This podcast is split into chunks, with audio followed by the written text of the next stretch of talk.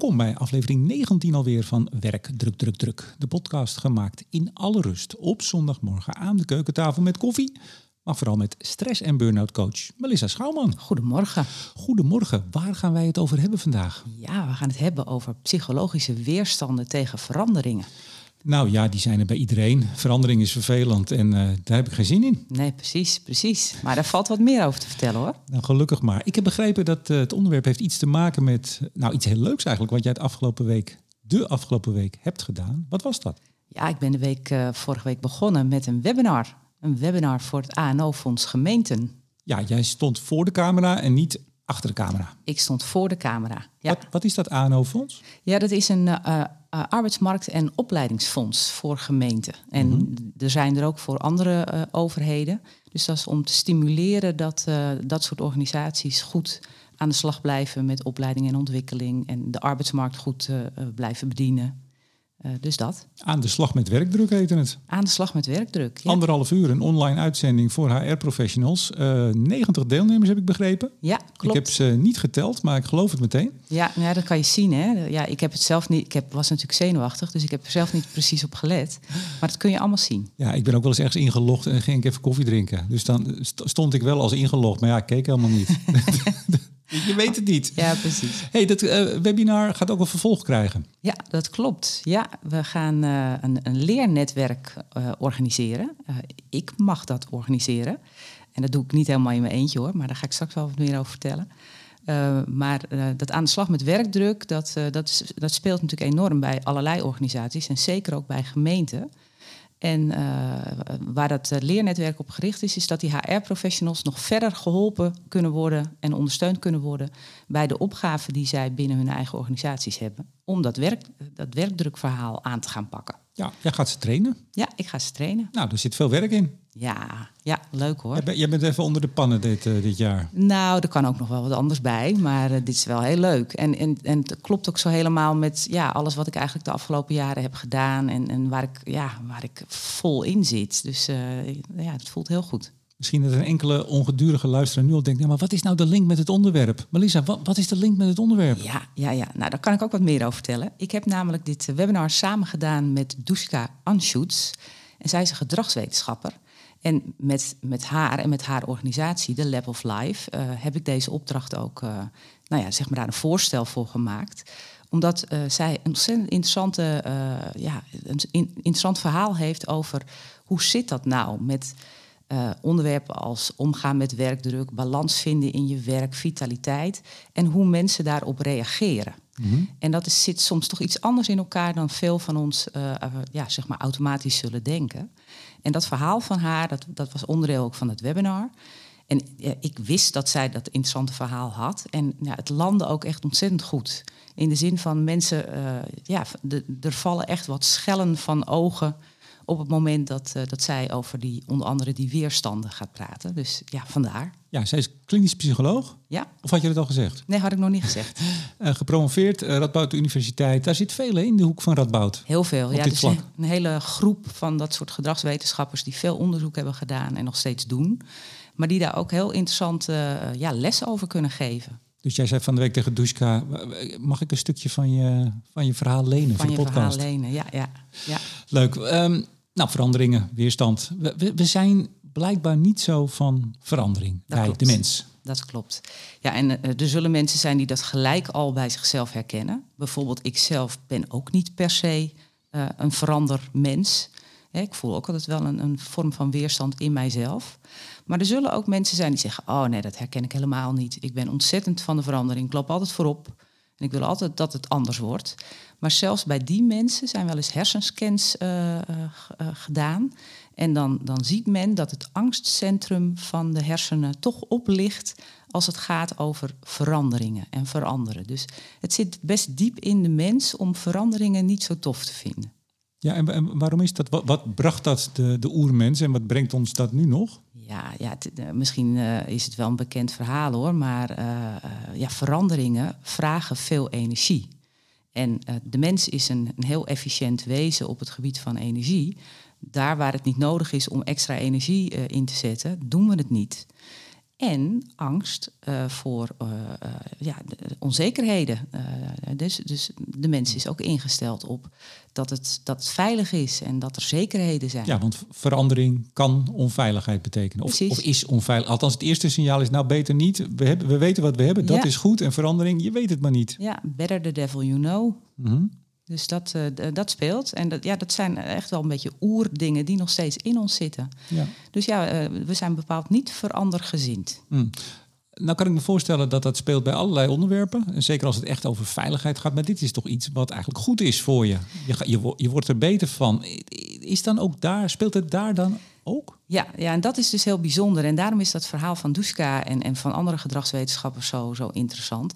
je zou denken, balans vinden in je werk, vitaliteit, dat zijn gezonde onderwerpen. Hè, dat, daar, wordt iedereen beter van. Dus ja, hoezo zou daar weerstand tegen zijn? Uh, maar het speelt daar dus heel, heel sterk. En uh, dat heeft ermee te maken dat die, uh, dat die onderwerpen die raken heel erg aan mensen hun autonomie. Het zijn onderwerpen waar mensen zelf over willen gaan. En we zijn toch wel erg geneigd, en, en in de leer en ontwikkel en in de HR-hoek, ja, die ken ik heel goed. Ik heb, ik heb me er zelf denk ik ook best wel vaak uh, aan bezondigd, zou, zou ik zo willen zeggen. Uh, dat we heel erg graag dan tips en adviezen gaan geven over ja, hoe doe je dat dan? Gezond werken, gezonde balans. En juist die tips en adviezen, en, en dat wij dan uitkiezen op welke onderwerpen mensen gezonder en beter bezig moeten gaan, dat raakt enorm aan mensen hun autonomie. En die willen daar zelf over gaan. En eh, misschien zijn het eh, soms ook nog best wel onbewuste processen. Denken mensen niet meteen, oh, ik heb hier weerstand tegen dat iemand mij tips en adviezen gaat geven. Maar het speelt wel. Ik zag uh, vanochtend vroeg had ik de tv even aanstaan. Er was iets van een campagne voor beter leven. En daar ging ook meteen al allemaal tips. Minder roken, meer bewegen. Ja.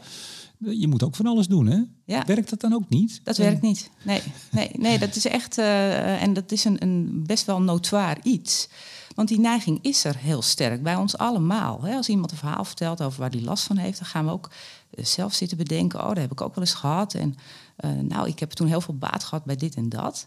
Maar als je bij jezelf ook nagaat, wat zijn nou dingen waar jij zelf uh, in veranderd bent, waar je zelf veranderingen in hebt, hebt doorgevoerd, dan zijn er toch dingen waar je echt zelf uh, over bent gegaan. Waar je, het, het, kost al moeite genoeg om een verandering door te voeren. Dus zoiets moet heel erg bij je passen.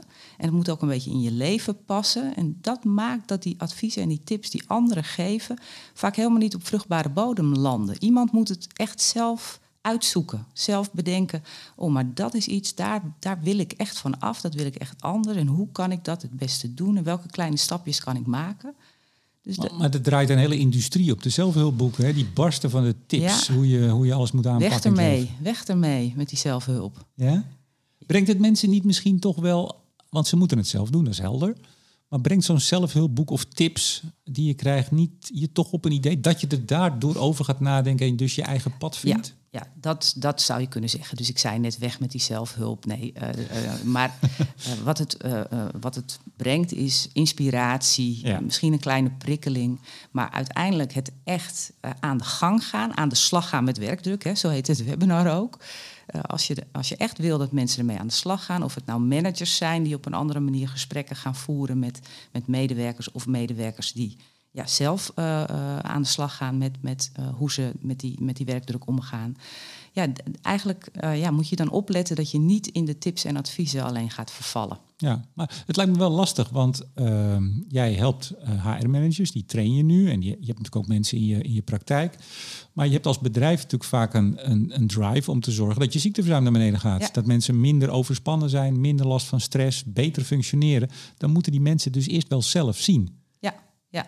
Ja, en dat, dat kost meestal niet zo heel veel moeite hoor. Want op dit moment is werkdruk natuurlijk ook echt iets wat heel pregnant uh, in de media aanwezig is. Ja, ook al heb, je, al heb je er geen last van. Je zegt, ik heb er ook last van, anders, anders lig je uit de groep. Het is hartstikke hip om ja. werkdruk te hebben. Nee, en, en het is er natuurlijk ook. Hè. Er zijn echt personeelstekorten en, en er is van alles wel aan de hand. Dus dit is niet nu een onderwerp, denk ik, waar je heel veel overtuiging voor in uh, hoeft te zetten. Uh, ja, om, om de snaar te raken bij mensen dat, dat ook zij hier misschien een, een andere omgang mee moeten kunnen vinden.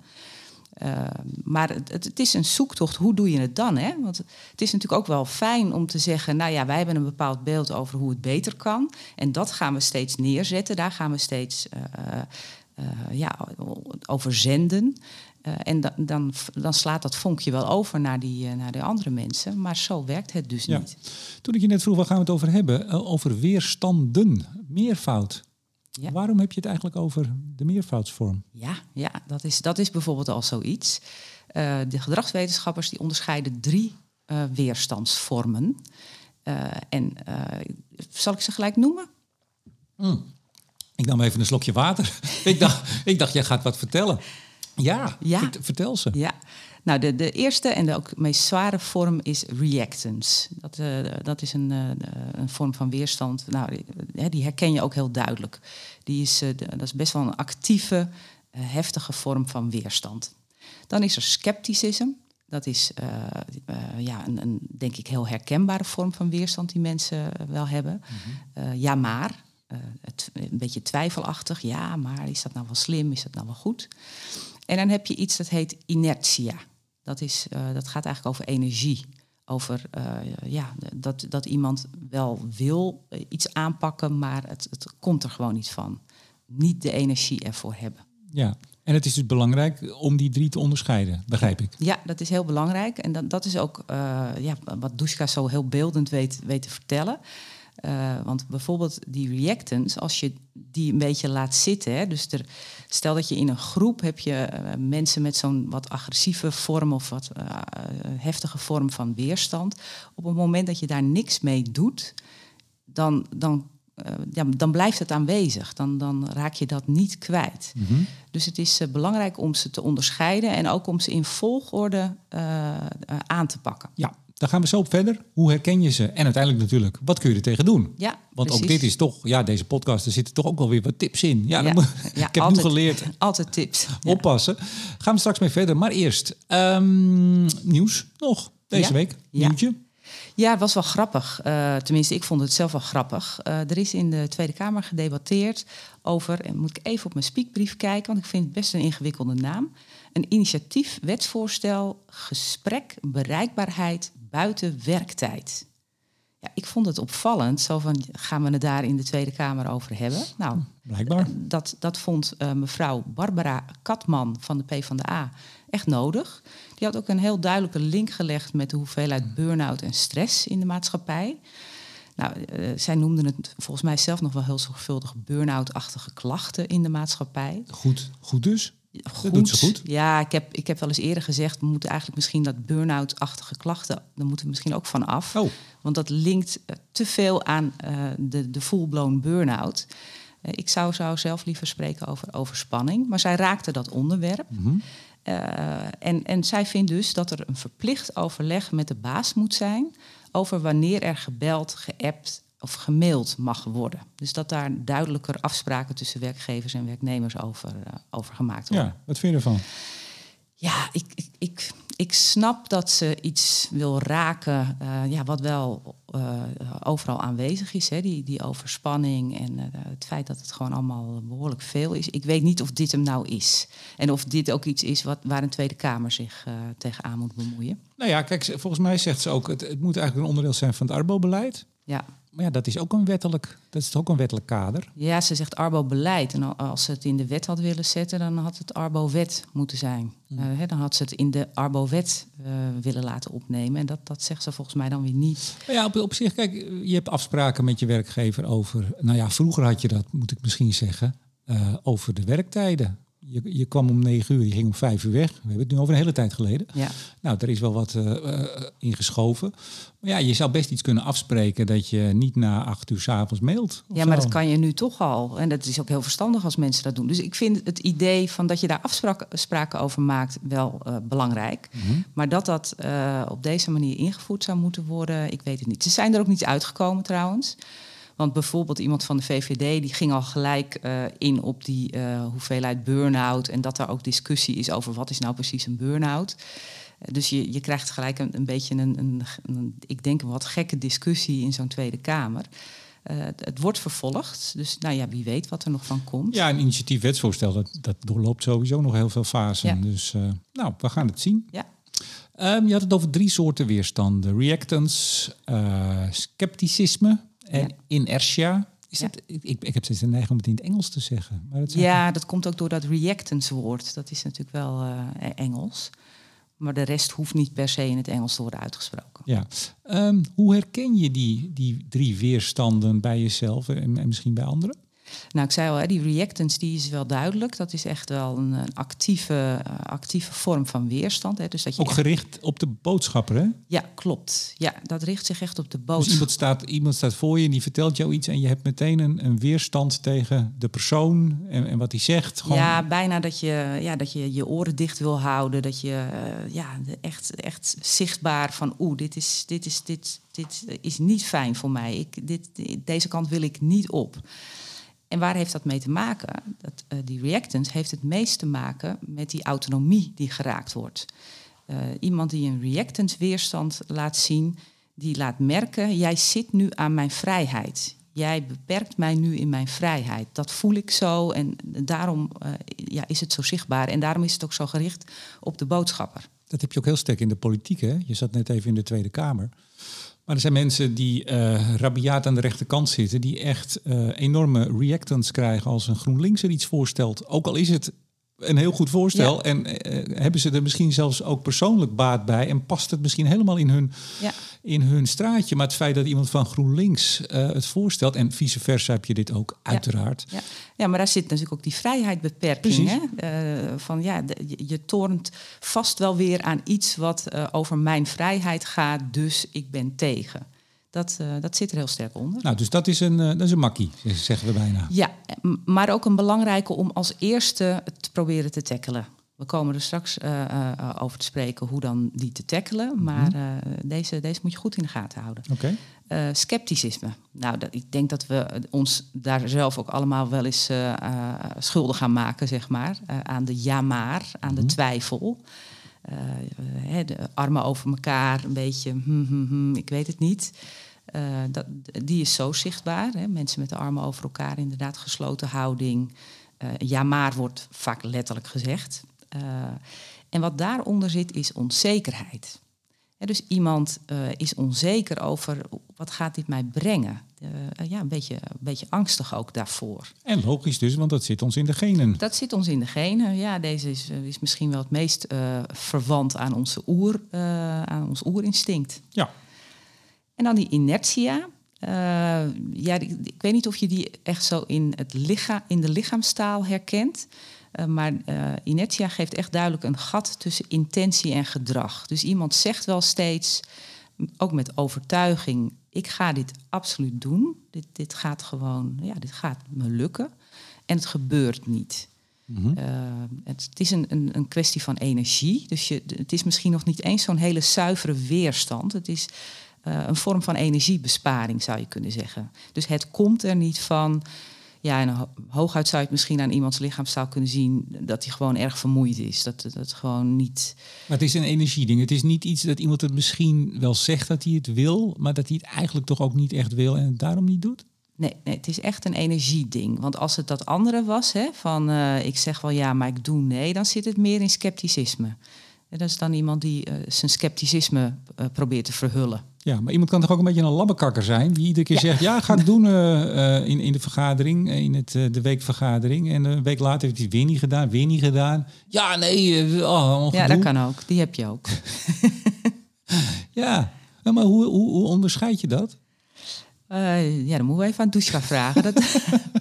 Kijk, ik, ik heb er niet zo. Ik heb wel er wat voor doorgeleerd, maar zover heb ik er nou ook weer niet voor doorgeleerd. Nee, maar het is, het is dus wel echt als mensen, eh, ik zou bijna zeggen, gecommitteerd zijn aan iets te gaan doen. Ja. Ik denk dat je dat verschil wel merkt als iemand zich een beetje labbekakkerig ervan afmaakt. Ja, nee, doe ik volgende week. Ja. En dat, dat is iets anders dan dat iemand op zich wel gemotiveerd is. Ik denk dat je dat, zelfs ik die er niet voor doorgeleerd heeft, ik denk dat je dat wel herkent. Precies, precies. En eh, nogmaals, we hebben het dus over onderwerpen waar mensen wel al zelf een beetje op getriggerd zijn. Hè? Dus eh, eh, werkdruk aanpakken, vitaliteit, dat zijn op zich meestal toch wel onderwerpen waar mensen iets mee willen. En als iemand er niks mee wil, omdat hij vindt dat het eigenlijk wel heel, heel erg hey, oké gaat, ja, dan, dan hoef je daar natuurlijk ook niet zo'n eh, zo'n werk van te maken. Zeker. Nou, we, we, hebben ze, we, we weten nu de drie weerstanden. Ja. We, we weten hoe ze, hoe ze werken. We weten eh, hoe we ze kunnen herkennen. Maar nu de hamvraag natuurlijk, tot slot. Wat kunnen we er tegen doen? Wat kunnen we er mee doen? Ja, ja. Ja, reactance, hè, de, eh, vrijheidsbeperking, dat is daar de, de onderliggende, het onderliggende ding. Ja, zorg dat iemand niet dat gevoel krijgt van vrijheidsbeperking. Zorg dat hij in ieder geval eh, weet dat hij keuzes, zelf keuzes heeft. En sterker nog, wat het allerbeste is, zeker bij die gezondheidsonderwerpen, is ja, laat mensen zelf nadenken over waar heb ik nou het meeste last van en hoe kan ik dat het beste oplossen. En dat klinkt natuurlijk voor organisatiemensen best ingewikkeld. Zo van jeetje, ja, die tips en adviezen, dan kan je nog een beetje selecteren. Nou, dit is voor iedereen wel interessant en dat is voor iedereen nog wel interessant. Dus dan, dan heb je een soort genera generalistisch beeld van, nou, zo, zo hè, doet iedereen er goed aan om hiermee bezig te zijn. En hier, ja, is het dus heel erg maatwerk per persoon wat, wat iemand gaat doen.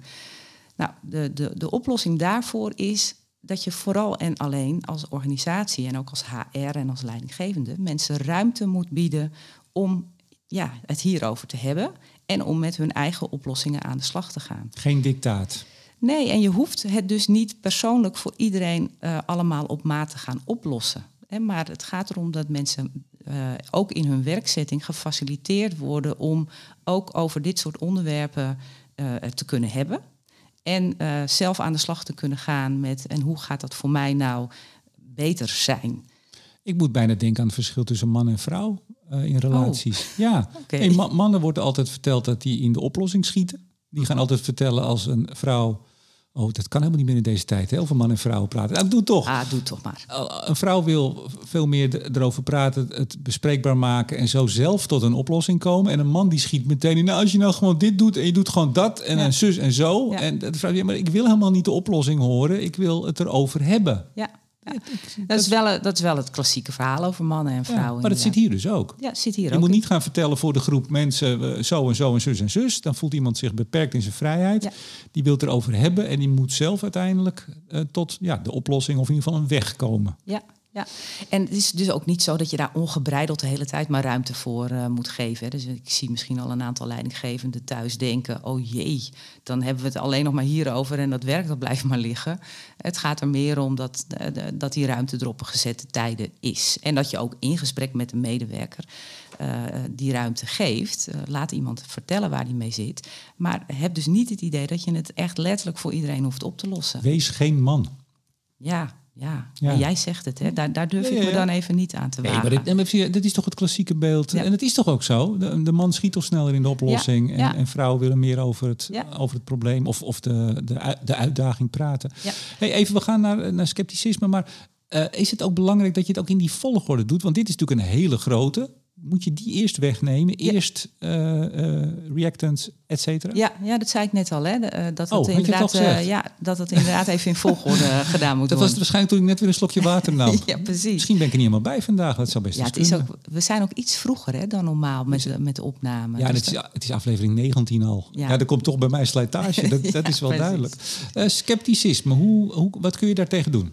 Nou, dat gaat dus over onzekerheid. Er is uh, twijfel bij iemand. Onzekerheid voelt zich er niet gemakkelijk bij. Ja, dan, dan helpt het om iemand uh, uh, bijvoorbeeld wat meer zekerheid te geven. Joh, we gaan het eerst eens uitproberen. We gaan een experiment doen, we gaan een pilot doen. Laten we eens kijken wat het ons oplevert. Dus een soort van het niet meteen heel, heel zwaar en, en ja, als een vast gegeven maken. Want dit, is de, dit was de ja maar, hè? Dat, heb ik wel, dat heb ik wel goed gehoord ja, en onthouden. Goed opgelet. Dit is de ja maar. Je zegt, die moet je uh, meer zekerheid geven.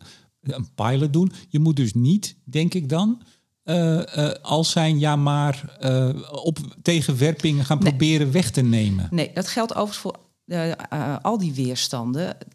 zeg maar de weerstand zelf ter discussie stellen, dat is geen slim plan. Dat is geen slim plan. dus, dus het is er. Uh, dus, uh, je moet niet in de groep zeggen: God, Jaap die zit hier weer lekker met zijn ja maar. Nou, Jaap, wat is er? Nee, nee. Je, uh, neem het serieus, want er zit dus daadwerkelijk wel een boodschap onder. En ook reactance, ja, je kan het heel ongezellig vinden dat iemand zo reageert. Maar ja, iemand voelt zich echt aangetast in zijn autonomie.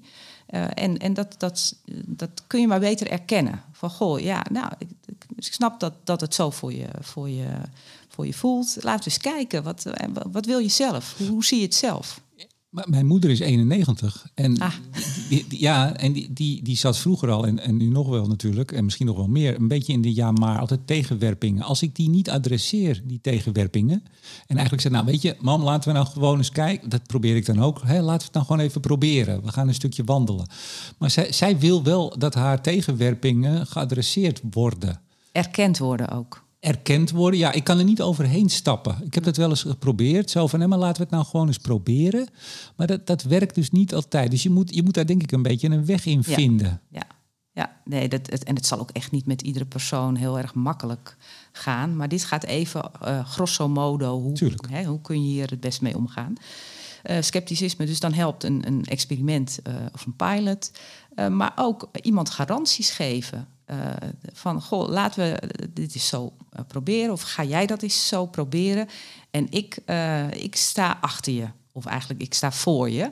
Namelijk, als het, als het moeilijk wordt, dan weet dat ik je opnieuw ga helpen. Dat ik je niet laat vallen. Da- dat soort garanties. Mhm. Dus dat helpt bij scepticisme. Nou, dan gaan we naar de, de laatste, inertia. Ja, dus dat is die energiekwestie. Iemand ja, heeft er gewoon de energie niet voor. Ja, dan zou je eh, kunnen kijken hoe. Moet aan Gerrit Joling denken. Oh nee, ik heb er de kracht niet voor. Oh. Dat is toch niet, weet je dat niet? Ja, Ik heb Ja, er de kracht met- niet voor. hij heeft ook iets met gierende banden. Ja, ook iets. Maar, Nou nee, ja. maar dit is van als je echt gewoon, ik heb er de kracht niet voor. Oh, dat, is, dat is eigenlijk dit. Ja, ja, ja, precies. Ja, zorg dan dat het gemakkelijk wordt voor iemand. Dat het, eh, de- de- kijk of, of het eh, simpeler kan. Nou, dat, dat lukt misschien niet altijd. Eh, Dat het minder energie dat het kost. minder energie kost. hè. Mhm. Dus blijkbaar zitten er obstakels in eh, ja, de hoeveelheid of de, de, de moeilijkheid. Hoe, hoe kan het nog iets gemakkelijker gemaakt worden? Sowieso is het verstandig bij veranderingen om altijd te kijken. In de gedragswetenschap noemen ze dat geloof ik fluency. Eh, in een mooi eh, Engels woord weer. Mhm. Fluency, dus als veranderingen wat vloeiend gemaakt kunnen worden, is het altijd beter. Ja, als er allerlei kleine haakjes en hiccups aan zitten, dan wordt het vanzelf al ingewikkelder. Dus dat, dat, dat is bij zoiets als inertia ook een heel verstandig iets. Kleine stapjes. Ja, maar ook eh, inderdaad focus op kleine stapjes. Dus als iemand, jij hebt misschien het gevoel, nou dit is toch wel te doen, en, maar het lukt bij iemand niet, kijk dan toch of je het voor die persoon nog, of samen met die persoon, eh, of, of je die persoon kan verleiden om het toch nog iets kleiner te maken. Hoe gaat het voor jou nou wel werken? Want ook daarin is wel belangrijk dat die oplossingen, die stapjes, wel door iemand zelf worden uitgesproken. Dat iemand zelf daarover nadenkt en denkt, ja, nee, maar op deze manier, als ik het aankomende week zo eh is ga doen, dan, dan lukt het me wel. Ja, dat ik tegen mijn moeder zeg, laten we nou gewoon hier even uitstappen. Hoef je niet te gaan wandelen. We stappen alleen even uit, Ja, dat, uit de auto. En dan kijk je als je er staat en de wind waait lekker door je haar. Dat je denkt, nou, ik, ik loop toch even een stukje om. Ja, ja nou, en dan eh, zou nog beter zijn geweest als je in de auto aan je moeder had gevraagd: Mam, hoe gaat het voor jou het beste werken om toch even naar buiten te gaan? Ja. En dan had zij misschien zelf gezegd: Nou, weet je, dan, eh, dat, dat Ja, zou dan voor een volgende keer opleveren dat ze uit zichzelf weer zegt: hey, de vorige keer werkte het zo goed dat ik toen zij eh, eh, even Ja, uit. ze, Nou, ze moet het zelf. Misschien moet jij een keer mee naar mijn moeder. precies. Nou, dat doe ik. Doe ik. hey, dat, dat hebben we gehad. Ja, dit, eh, dit is het wel zo'n beetje. Ja, ik wil nu niet Nee. net doen alsof hiermee de hele wereld eh, de- eh, helemaal in de verandering kan schieten. Maar dit zijn wel eye-openers. Nee, want dat is misschien toch even leuk om te zeggen. Toen, wij hebben natuurlijk altijd iedere week even over waar ga jij het over hebben, waar wil jij het over hebben. En toen zei nou, ik heb zo'n leuk nou, workshop, vertel je me. En met jouw ze, sorry, Anshoots. Ehm toen zei ja, daar, wil- daar wil ik iets mee. En zo heb je het ook gezegd, hè, van dit is niet mijn, mijn echte core eh, specialiteit. Dat is die van haar Ja. als eh, klinisch psycholoog. Nou, ik vond het hartstikke interessant. En haar verhaal gaat over nog veel meer dingen hoor. Tuurlijk. Maar deze is wel, de, de- dit, dit onderdeel van die weerstanden is wel wat bij mensen ontzettend blijft hangen. Omdat ze het en heel erg herkennen, die weerbarstigheid. Hè, ro- juist rondom dit soort gezonde eh, onderwerpen. Eh, en, en dat ze ineens denken van, ah, maar wacht even, nu heb ik een soort geheim wapen eh, in handen. Want nu zie ik wat er gebeurt bij mensen. En nu weet ik ook dat dat, dat eh, in die tips en adviezen blijven zitten gewoon niet zo'n slim plan is. Ja, nou, als luisteraars nou opmerkingen of vragen hebben, dan kunnen ze Dushka... Nee, dan kunnen ze volgens mij met jou in contact... Nou ja, misschien als ze dat willen, kunnen ze misschien via jou, maar... Of Ja. bij jou. Hoe kunnen ze jou bereiken? Ja, want had ik eigenlijk gezegd dat zij de oprichter is van de Lab of Life? Nee, hè? Ja, ik zit niet zo goed op te letten vandaag. Ik ben, Ja. We zijn veel te vroeg begonnen. Ja. Nee, dus, Volgens mij eh, heb je dat wel gezegd hoor. Ja, eh, maar ze kunnen sowieso natuurlijk naar mij eh, mailen. Info melissaschouwman.nl Ja, op LinkedIn zit je, Twitter. LinkedIn, ja. En de Lab of Life kunnen ze natuurlijk zelf even opzoeken. En eh, ja, ik, ik eh, heb contact met Duska en we gaan ook verder. eh, ook bij het ANO-fonds gemeente. Mhm. Dus je kan ook bij het, als je van de gemeente bent, bij het ANO-fonds op de website kijken voor, voor het vervolg, hè, voor het leernetwerk. Dus, Ja, want ja. jullie hebben wel veel aanmeldingen. hè? Ja, ja, dat gaat lekker. Ja, het was meteen eigenlijk al na het webinar dat er mensen zich aanmelden. En dat loopt nu nog steeds door. En mensen kunnen zich nog aanmelden. Dus eh, Nou, jij zal vast de komende afleveringen dit jaar wel eens wat vertellen over hoe dat gaat. absoluut. Eh, tot zover, zeg ik dan. Aflevering 19 van Werk, Druk, Druk, Druk. Graag tot de volgende keer. Tot de volgende keer.